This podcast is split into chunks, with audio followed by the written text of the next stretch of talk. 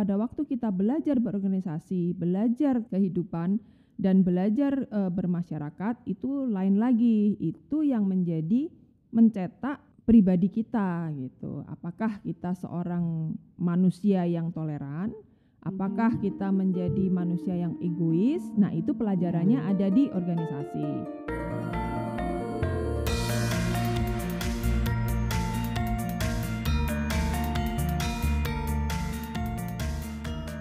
Salam hangat semuanya. Jumpa kembali dalam podcast Rembuk Rosso Putri Kedaton. Berbeda dengan edisi sebelumnya yang dibawakan adik-adik saya, kali ini saya Gusti Kanjeng Ratu Condro Kirono akan mengajak ngobrol kakak saya tertua, yaitu Gusti Kanjeng Ratu Mangkubumi. Tema yang akan kita bahas kali ini adalah Yogyakarta dan Organisasi Pemuda. Halo Mamangku, selamat siang. Selamat siang. Matur nuwun ya sudah meluangkan waktunya di tengah aktivitas yang padat. Mbak Mangku, pada bulan Oktober ada perayaan Hari Sumpah Pemuda. Jadi kita kali ini akan berdiskusi tentang kegiatan kepemudaan di Yogyakarta. Nah, sekarang ini aku kan masih menjabat sebagai Ketua Umum Karang Taruna Daerah Istimewa Yogyakarta sampai 2022 nih. Sedangkan Mbak Mangku kan baru aja nih ya terpilih lagi sebagai Ketua Kuartir Daerah Gerakan Pramuka Daerah Istimewa Yogyakarta masa bakti 2020 hingga 2025. Selamat ya Mbak. Boleh diceritain dulu nggak apa yang dilakukan dalam waktu dekat bersama dengan Kuarda Daerah Istimewa Yogyakarta? Oke, terima kasih. Ya, uh, beberapa waktu lalu sudah ada musda. Nah, saya dipercaya lagi untuk uh, memimpin kuartir daerah daerah istimewa Yogyakarta untuk di periode 2020 hingga di 2025. Nah, yang untuk periode ke depan, lima tahun ke depan, saya ingin Warda Daerah Istimewa Yogyakarta atau gerakan pramuka di Daerah Istimewa Yogyakarta ini bisa berprestasi baik di tingkat nasional ataupun di tingkat internasional.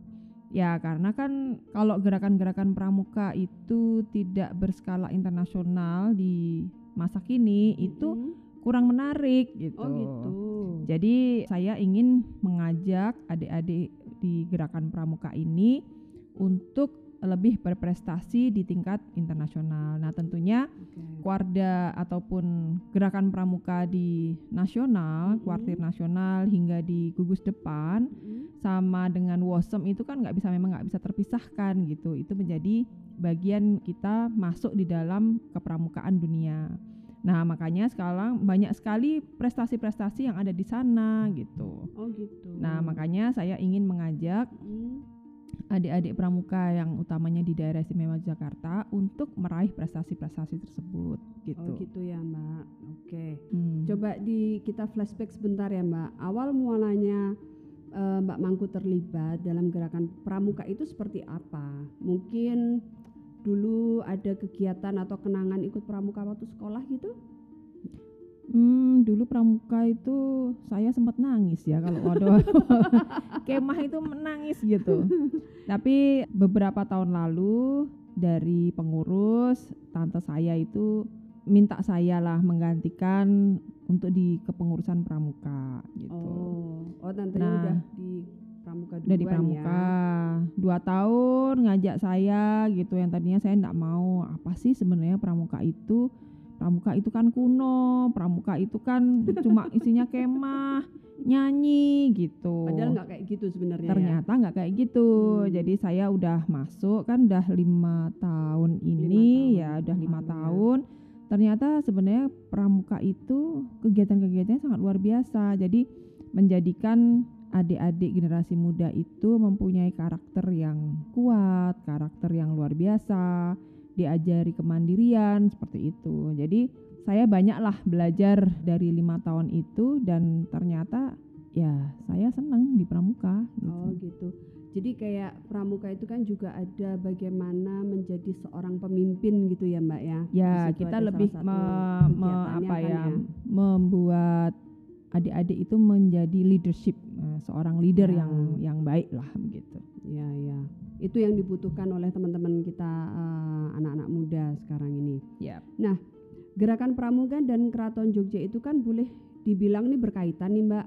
Apalagi ketika Eyang Sinuwun ke-9 dianugerahi gelar sebagai Bapak Pramuka Indonesia. Hmm. Nah, kira-kira bisa cerita sedikit nggak? Maksudnya kenapa kok bisa sampai disebut sebagai Bapak Pramuka Indonesia? Ya, Sri Sultan Hamengkubuwono IX itu ketua Kuarnas sampai empat periode gitu. Yang mana beliau bersama-sama dengan Badan Powell membentuk gerakan pramuka di Indonesia. Makanya disebut Bapak Pramuka Indonesia. Oh, begitu. Yang pada waktu beberapa tahun lalu, kurang lebih tiga tahun yang lalu, itu di acara Munas ditetapkan pada tanggal 12 April itu adalah peringatan Bapak Pramuka. itu kalau nggak salah pas eh, Hari lahirnya, lahirnya beliau, beliau, ya. Jadi kita peringati sebagai Hari Bapak Pramuka Indonesia. Makanya setiap tanggal itu kita memperingati dengan acara saresehan, kemudian ada api unggun seperti itu gitu. Karena beliau eh, tentunya membuat ataupun mengembangkan gerakan pramuka Indonesia yang mana sampai hari ini itu bisa berjalan dengan baik, gerakan-gerakan kegiatannya itu juga baik dan Hmm. berkembang. Nah, makanya saya di Kuarda DIY ini seperti mempunyai PR yang besar untuk kembali memajukan gerakan pramuka yang ada di daerah istimewa Jakarta ini. Ya, Gitu. semangat ya Mbak. Gitu. Kalau mendengar nih ya bahwa inti dari gerakan kepanduan itu adalah pembentukan karakter nih ya. Sebenarnya itu mengingatkan saya juga tentang Ngerso dalam ke-9 dititipkan di keluarga Belanda. Dan rasanya tidak heran kalau Eyang Sinuwun itu begitu mencintai gerakan ini untuk ditularkan kepada para pemuda lainnya. Nah, itu menurut Mbak Mangku seperti apa itu? Ya, kalau di kepramukaan itu kan memang kita diajari melalui kemah itu kan kita diajari untuk mandiri. Mandiri, mempunyai emansipasi, toleransi gitu ya terhadap sesama. Karena di situlah kita bersama-sama dengan adik-adik yang lain itu untuk berkegiatan bersama. Nah, Tentunya di gerakan pramuka ini tidak hanya kita bernyanyi dan bersuka cita, tapi di situlah sebenarnya kita dididik untuk eh, mempunyai karakter yang kuat, kemudian leadership gitu, Mhm. kemudian juga tentunya jiwa-jiwa nasionalisme gitu, seperti yang tercantum pada dasar dharma ya, jadi suka tolong menolong, jujur gitu. Ya. Kemudian juga seperti lagunya, pramuka adalah manusia Pancasila. Jadi Oh. itu sebenarnya sangat luar biasa edukasi-edukasi ataupun eh, prinsip-prinsip yang ada di gerakan pramuka gitu. Jadi kalau disampaikan ke or- orang-orang bahwa pramuka itu kuno itu karena ya memang harus melihatnya dari sisi yang berbeda gitu. Ya. Jadi baru bisa paham bahwa kegiatan pramuka itu luar biasa. Ya, karena di dalam pramuka itu kan sebenarnya banyak juga apa ya pelatihan ya Mbak ya. Jadi Indonesia ini kan butuh para pemuda itu dilatih untuk menjadi seorang pemimpin gitu. Ya, mengingat semangat pramuka Mbak, yang sebenarnya kita sendiri itu kan menjalani dan mengaplikasikannya dalam perjalanan hidup ya. Nah, ke depannya apa yang Mbak Mangku akan lakukan untuk membawa pramuka di daerah istimewa Yogyakarta ini atau di Indonesia secara luasnya? Ya, kalau untuk di kuartir daerah, daerah istimewa Yogyakarta yang sempat saya sampaikan kemarin itu adalah kita menjadikan gerakan pramuka di daerah istimewa Yogyakarta ini menjadi pramuka yang istimewa gitu. Nah, kalau sudah menjadikan pramuka di DIY ini menjadi pramuka istimewa, tentunya kita menginginkan para pemuda ini menjadi pemuda yang unggul.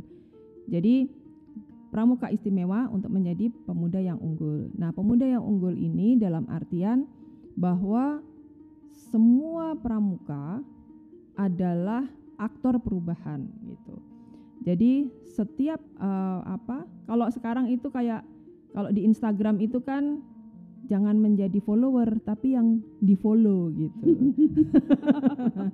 gitu jadi bagaimana para pemuda itu diwajibkan dan diharuskan untuk mempunyai inovasi-inovasi, mempunyai kreasi, dan menjadi agen perubahan atau menjadi aktor perubahan di wilayah masing-masing. Nah, tentunya dengan itu berarti apa? Kita lebih mudah untuk mencetak pramuka-pramuka ini menjadi leader-leader yang bisa diandalkan untuk Indonesia ke depan, di mana pun dia Hmm. berada. Mereka bisa menjadi pemimpin di gugus depan, bisa menjadi pemimpin di wilayahnya, di tingkat DIY atau di nasional atau bahkan di internasional seperti itu. Gitu. Oke. Sebenarnya gini Mbak, hampir sama juga nih ya di Karang Taruna. Karang Taruna itu kan untuk mungkin untuk teman-teman anak-anak muda sekarang itu itu kan sama seperti pramuka karena Karang Taruna itu kan sudah lama sekali ya. Jadi mereka juga punya cap bahwa "Hmm, ini organisasi yang lama lah, orde baru lah, deso lah dan lain sebagainya. Nah, padahal Karang Taruna sendiri itu kan sangat luas ya, maksudnya dari pusat eh, seluruh eh, provinsi sampai desa gitu. Jadi sebenarnya pramuka ini dan Karang Taruna ini hampir sama gitu karena basicnya itu kan organisasi kepemudaan Ya. gitu ya kan.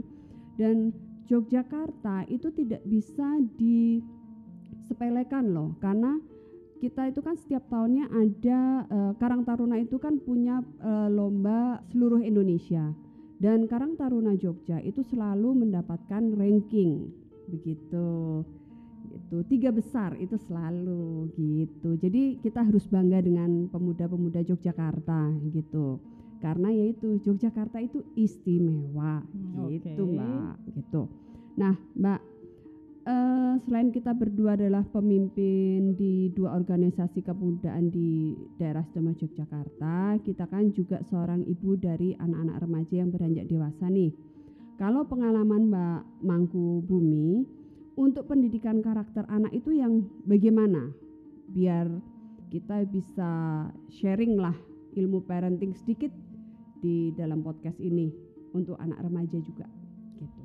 Ya, kalau untuk anak remaja itu tentunya baguslah kalau mereka bisa mengikuti organisasi-organisasi kepemudaan di Indonesia ini. Ya. Di Indonesia ini kan yang yang terbentuk di kementerian itu kan ada tiga. Jadi ada Pramuka, ada Karang Taruna, kemudian ada KNPI yang Hmm, sebenarnya basicnya hmm. adalah edukasi dan sosial gitu.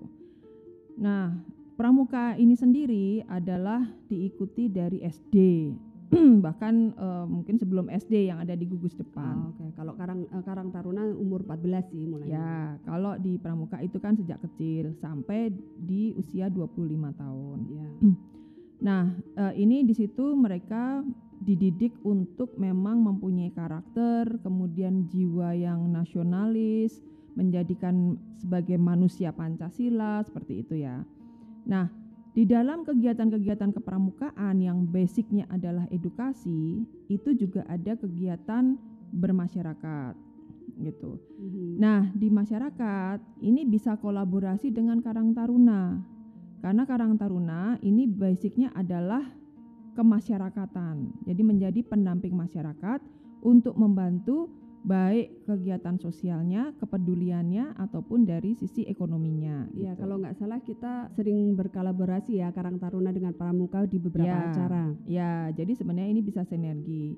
Nah, pada waktu ini beranjak dewasa semua, nah tentunya pilihan ataupun pilihan hidup itu kan bisa di tetap menjadi edukator atau menjadi seorang yang berkegiatan sosial atau yang ingin berpolitik. Nah, kalau berpolitik berarti masuk di KNPI gitu. Nah, sebenarnya sama ini Karang Taruna yang memang base-nya ada di desa, Pramuka base-nya adalah di sekolahan seperti itu. Jadi memang Ya. bisa kolaborasi. Nah, tentunya para anak-anak muda kalau seandainya bisa mengikuti kegiatan-kegiatan organisasi itu lebih baik karena apa? Dengan berkegiatan sosial berarti ataupun organisasi berarti kita belajar banyak ada di situ gitu. Karena pelajaran sekolah itu adalah ya prestasi kita di sekolah dalam hal pendidikan. Tapi pada waktu kita belajar berorganisasi, belajar kehidupan dan belajar e, bermasyarakat itu lain lagi. Itu yang menjadi mencetak pribadi kita gitu. Apakah kita seorang manusia yang toleran? Apakah hmm. kita menjadi manusia yang egois? Nah, itu pelajarannya hmm. ada di organisasi, ada di pelajaran hidup, nggak hmm. bisa didapatkan di pelajaran di sekolah. Ya. Nah, makanya penting sekali untuk keseimbangan. Jadi anak-anak muda setelah umur 17 tahun gitu ya atau lebih muda lagi itu bisa mengikuti kegiatan-kegiatan sosial ataupun di organisasi-organisasi yang ada gitu. Nah, untuk yang di kegiatan kepramukaan yang sampai usia 25 tahun itu adalah peserta didik. Nah, berikutnya mereka bisa melanjutkan menjadi anggota dewasa. Yang mana mereka bisa menjadi pelatih, pembina, adik-adik pramuka e, berikutnya begitu. Nah, kemudian juga untuk di andalan di kepengurusan itu juga banyak yang senior juga gitu. Hmm. Nah, tapi iya. juga yeah. uh, kita meregenerasi juga jadi yang purna-purna dari DKD ataupun dari peserta didik yang memang ingin mengabdikan diri bersama-sama di kepengurusan uh, gerakan pramuka di DIY ini. Kita mencoba untuk regenerasi itu baik dari gugus depan, dari ranting, dari cabang hingga di kuartir daerah. Jadi supaya kegiatan-kegiatan pramuka ini selalu sinergi, kemudian juga harapan-harapan dan juga tentunya prestasi-prestasi yang sudah diukir oleh adik-adik di tingkat gugus depan itu pengabdiannya hingga tidak terbatas lah di gerakan hmm. pramuka ini. Makanya kita selalu menginginkan bahwa kegiatan pramuka ini untuk di usia semuanya, baik dari gugus depan yang di tingkat sekolah dasar gitu ya, sampai ya hmm. masih muda sekali hingga di pandega ataupun yang sudah lebih senior untuk bersama-sama kita mengabdikan diri di gerakan pramuka di utamanya di daerah istimewa Yogyakarta. Oke, jadi dari usia dini hingga sepuh lah ya, ya senior senior. Oh, senior. Oke. Begitu juga gitu uh, Karang Taruna sih juga gitu sih Mbak, ada usianya. Jadi dimulai umur 14 hingga uh, senior juga. Kalau di Karang Taruna yang untuk senior-senior itu kita sebut sebagai Majelis Pertimbangan Karang Taruna gitu. Kalau nggak salah Mbak Mangku masih kan di situ? Iya. iya ya.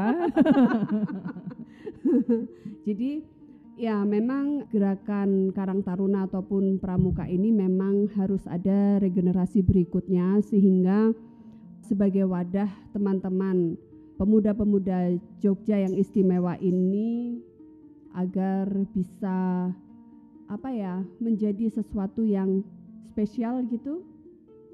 Kegiatannya spesial, kemudian juga tentunya unsur dari kebudayaan Jogja itu sendiri ya. yang juga jangan dilupakan gitu karena kan kita mempunyai kebudayaan ataupun juga yang sudah diakui di dalam undang-undang keistimewaan. Yeah. Nah, jadi makanya bagaimana pemuda-pemuda itu juga selalu berkegiatan yang inovatif, yang berbudaya, juga tentunya menjunjung budaya-budaya yang ada di wilayah masing-masing.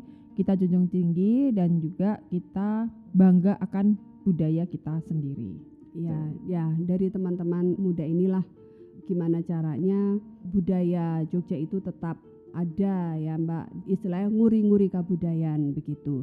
Beberapa teman di Karang Taruna juga selalu ada sesuatu yang baru di setiap bulannya dan sangat apa ya bersemangat untuk uh, tetap nguri-nguri kebudayaan begitu. Ya. Kalau perannya Mbak Mangku sendiri di Kuarnas eh, gimana? Ya, kalau di Kuartir Nasional eh, saya mendapat mandat menjadi wakil ketua di bidang pengabdian masyarakat. Yang mana di bidang kami itu ada kegiatan untuk kebencanaan, kemudian lingkungan, kemudian juga kampung pramuka. Hmm. Nah, di kegiatan-kegiatan utamanya dua di lingkungan dan kampung pramuka, kita menginginkan ada kampanye-kampanye tentang lingkungan dari adik-adik pramuka. Mhm. Kemudian juga terbentuknya kampung pramuka di seluruh keluarga paling enggak Oh. gitu. Jadi di 34 provinsi paling tidak satu ada kampung Mhm. pramuka. Nah, kemudian tentunya juga kalau di kebencanaan eh, kita ada pelatihan-pelatihan untuk penanganan masalah ben- kebencanaan, kemudian juga kemanusiaan gitu ya. Jadi untuk pramuka pedulinya gitu, bagaimana kita pramuka ini mendekatkan diri kepada masyarakat gitu. Jadi untuk menolong di masyarakat gitu, Ya. kemudian juga eh, di kebencanaan. Mhm. Nah, kita sekarang juga sedang ada pelatihan kecil untuk penanganan yang ya kebencanaan tapi seperti ini ya maksudnya penanganan COVID-19 ini Ah, gitu. Jadi di Kuarnas kita membentuk namanya Satgas Covid yang mana itu juga bagian dari Pramuka Peduli yang kita saling membantu, saling menginformasi dan juga saling memantau untuk selama masa pandemi ini gitu. Oke. Jadi supaya penyebaran juga tidak eh, terlalu banyak Ya. gitu. Kemudian juga ya saling mengingatkan untuk tetap menjaga kesehatan, menjaga protokol kesehatan, kemudian juga kampanye menggunakan masker, cuci tangan dan sebagainya seperti itu. Oke. Karang Taruna juga itu eh, juga membantu penanganan COVID juga. Ya istilahnya membantu pemerintah lah ya karena kan eh, semua ini kan baru pandemi seperti ini kan eh, harus ada kerjasama satu sama lain antara pemerintah, organisasi dan sebagainya. Ya. Gitu. Oke kalau gitu. Nggak kerasa nih ya Mbak, udah panjang lebar kita bercerita mulai dari kegiatan Mbak Mangkubumi, sejarah pramuka, cerita Eyang Sinuwun, sampai berbagi pesan mendidik anak. Nah, semoga podcast kali ini bisa menambah khasanah ilmu bagi pendengar semuanya. Tentunya dalam rangka menyemarakkan Hari Sumpah Pemuda. Semoga semangat pemuda selalu dapat membentuk karakter yang dapat diandalkan. Jadilah pemuda Indonesia yang istimewa, berangkat dari Yogyakarta. Demikian podcast Rembuk Roso Putri Kedaton kali ini. Jangan lewatkan podcast Rembuk Roso Putri Kedaton berikutnya yang pasti dengan tema dan bahasan berbeda. Pare!